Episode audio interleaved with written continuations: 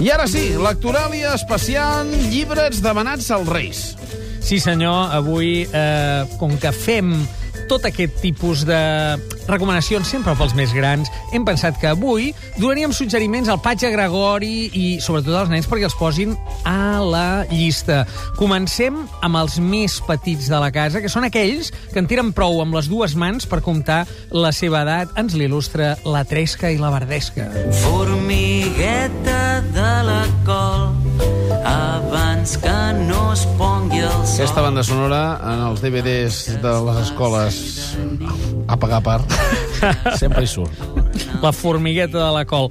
Bé, comencem... Guarderies, guarderies. tot Guarderia, sí, exacte. Escoles bressol. Això mateix. Bressol, no diguis guarderia, perquè el verb guardar no anem bé. Tens tota la raó. A veure, et llanço aquí el primer dels llibres, jo crec que a tots nosaltres ens agradaria, El caganer, la veritable història del caganer, un conte perfectament il·lustrat d'Anna Canyelles i Roser Calafell. Això ho ha tret la galera. És un conte molt, molt eixerit, que jo m'he llegit amb avidesa per saber què hi feia el caganer allà al pessebre. Home, que hi feies evident, no? Sí, però per què havia arribat a aquell estat, diguem? I aquí ho explica, ara no ho desvelarem, naturalment, pues un conte pels més petits que, en fi, amb aquest punt escatològic que té la nostra cultura, jo crec que agradarà molt. Molt bé. Un segon, ja anem pujant una mica d'edat, però encara un d'aquests llibres més per mirar que per llegir, Bona nit!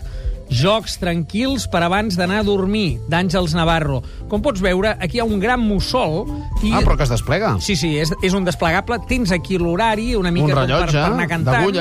I aleshores, per exemple, quins idiomes són? Good night. I llavors tens eh, d'aquest que si s'apreta, En anglès. anglès. És un llibre molt tàctil. Guten. Nacht. És una joguina, Alemany. Sí, un llibre objecte. Cada cop els llibres de paper tenen un punt més interessant El Xavier Vidal està fent treball. les feines de camarògraf Webcam. Sí, i, sí. i a través del webcam ho podreu seguir. I aquí n'hi ha un, jo crec que uh, aquest et convé a tu, Manel. Ah, sí? Sí, diu, quantes hores dorms? Alguns animals dormen més que tu i d'altres menys. Saps quins animals són? Les Qui dorm 4 hores? Aquest, aquest sóc jo. Però Aquest ets tu? aquí posa aquí dorm 24 hores. 22. 22 hores. Sí, pam. I llavors aquí tens un os, un ratolí, un elefant i les solucions al final. Jo crec que el teu és el de les 4, seria? sí, quatre, N'hi ha un de sí. 6, Sí, entre Hi ha 5 un i de 6. 13, entre cinc el de i sis. 22 ho trobo, diguem, d'una immoralitat tremenda. En tot cas, un llibre El molt ben pensat. Deu ser ell. I, I en diversos continents, pel que em consta, eh? La qüestió és que aquest Bona nit, Jocs tranquils per abans d'anar a dormir, és un llibre, justament, per en comptes d'explicar un conte, explicar històries, fer petits jocs i que se t'adormin, eh? Per tant, eh, té aquesta utilitat. I eh, també La cadena daurada, poemes meravellosos per a infants. Aquest és un llibre més seriós, està publicat per Al revés.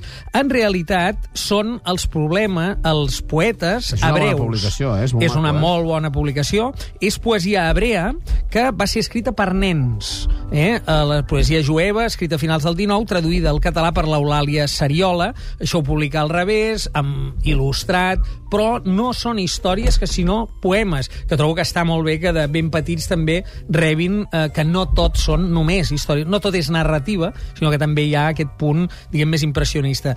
I finalment, per aquest sector, dos llibres jocs que, com pots veure, són dos llibres capsa, Sí. eh, que ja tenen aquí unes peces i que són del meu gremi, tot i que no hi tinc cap Home, Home, relació, són- eh, són diguem. enigmes. Són enigmes. Endevinalles per jugar i refranys per jugar. Tots dos són triats per la Natalie Pons, és a dir, les endevinalles són endevinalles clàssiques, com podem trobar, diguem, en tots els llibres, unes boles gelades molt ben decorades, si fa molta calor es desfan com un glaçó. I també les tens en format eh, posa, posa gots, diguéssim. Exactament, però aquest, fixa't, el trencarem, a veure aquesta càmera, fixa't, eh, un moment que... Crac! Perquè Ah. aquest és el joc. Justament els eh, posavasos que tenim aquí, eh, el nen se li requereix que els torni a reunir i un té el plantejament i l'altre té la solució. Per exemple, aquest té un plantejament que diu Pel mar troto, tinc al nas una trompeta i entre mabres, molls i una garota pels prats de Posidònia corro. El cavallet de mar. T'ho dic perquè abans de que tots vosaltres ja mm, us llanceu a altres hipòtesis, us dono la resposta. El cavallet de mar. Endevinalles per jugar, refranys per jugar, amb aquest mateix format. Eh, per tant, un llibre i 42 fitxes. Això ho ha editat Vox i estan triats per Natalie Pons, il·lustrats per Mariam Ben Arab, que és la il·lustradora. Pugem l'edat. Anem amb els més grans. Tots Aquestes són les nostres amigues de Macedònia. Sí, senyor, ens van agradar tant allà al Cosmo Caixa que hem dit, tornem-hi. A veure, aquí ja estem per als que, mm, bé, 12 seria una bona edat, però més de 10 anys.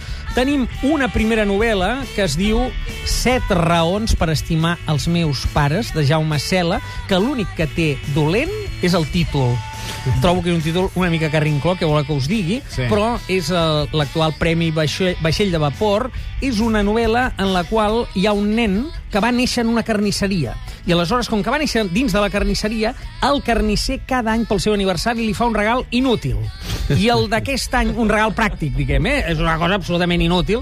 I el nen està com desesperat, li regalen una llibreta i li diu aquesta llibreta és perquè escriguis set raons per estimar els teus pares. I el nen comença a, a, a posar la primera raó i et fas un far de riure de por perquè és una molt bona novel·la que explica la vida en un poble i la vida d'aquest nen. Fantàstic. Per tant, Jaume Cela, Premi Vaixell de Vapor, publicat per Cruïlla, 2010. Què més? Autòdrom o Autódromo, perquè realment la versió original és en castellà. Això és de l'Octavi Botana, que en castellà es diu Octavio Botana i en català es diu Octavi Botana. En fi, és una cosa d'os, com pots veure, Autódromo, Autòdrom. És una novel·la d'aventures molt interessant. No sé si llegies Los Cinco, tu, quan eres petit. Sí. Aquí estem en I un que territori... Misterio. Misterio. Bé, sí, estem en aquest territori, Sí. sí. eh? Aquí són tres germans, els Lot, la, la Val i en Ralph, que viuen amb els seus avis perquè no tenen pares i viuen a l'última casa d'un poble. I llavors un bon dia, l'última casa tocada al bosc, eh? i un bon dia l'avi els hi diu podeu anar a buscar la fi del món per aquest eh, bosc i és com si seria una wood movie, eh? no una road movie perquè no hi ha carretera, però hi troben una fàbrica de caramels i el vell autòdrom abandonat està ple d'encanteris, és un viatge iniciàtic, una novel·la molt recomanable per gent, això, 12, diguem, 11, 10 potser, Bé. ja amb dues xifres. I acabem amb oh, una cosa una mica una mica més eh, antiga, però que és molt curiosa i jo crec que s'ha S'ha d'explicar bé. actualitzat això. a cop?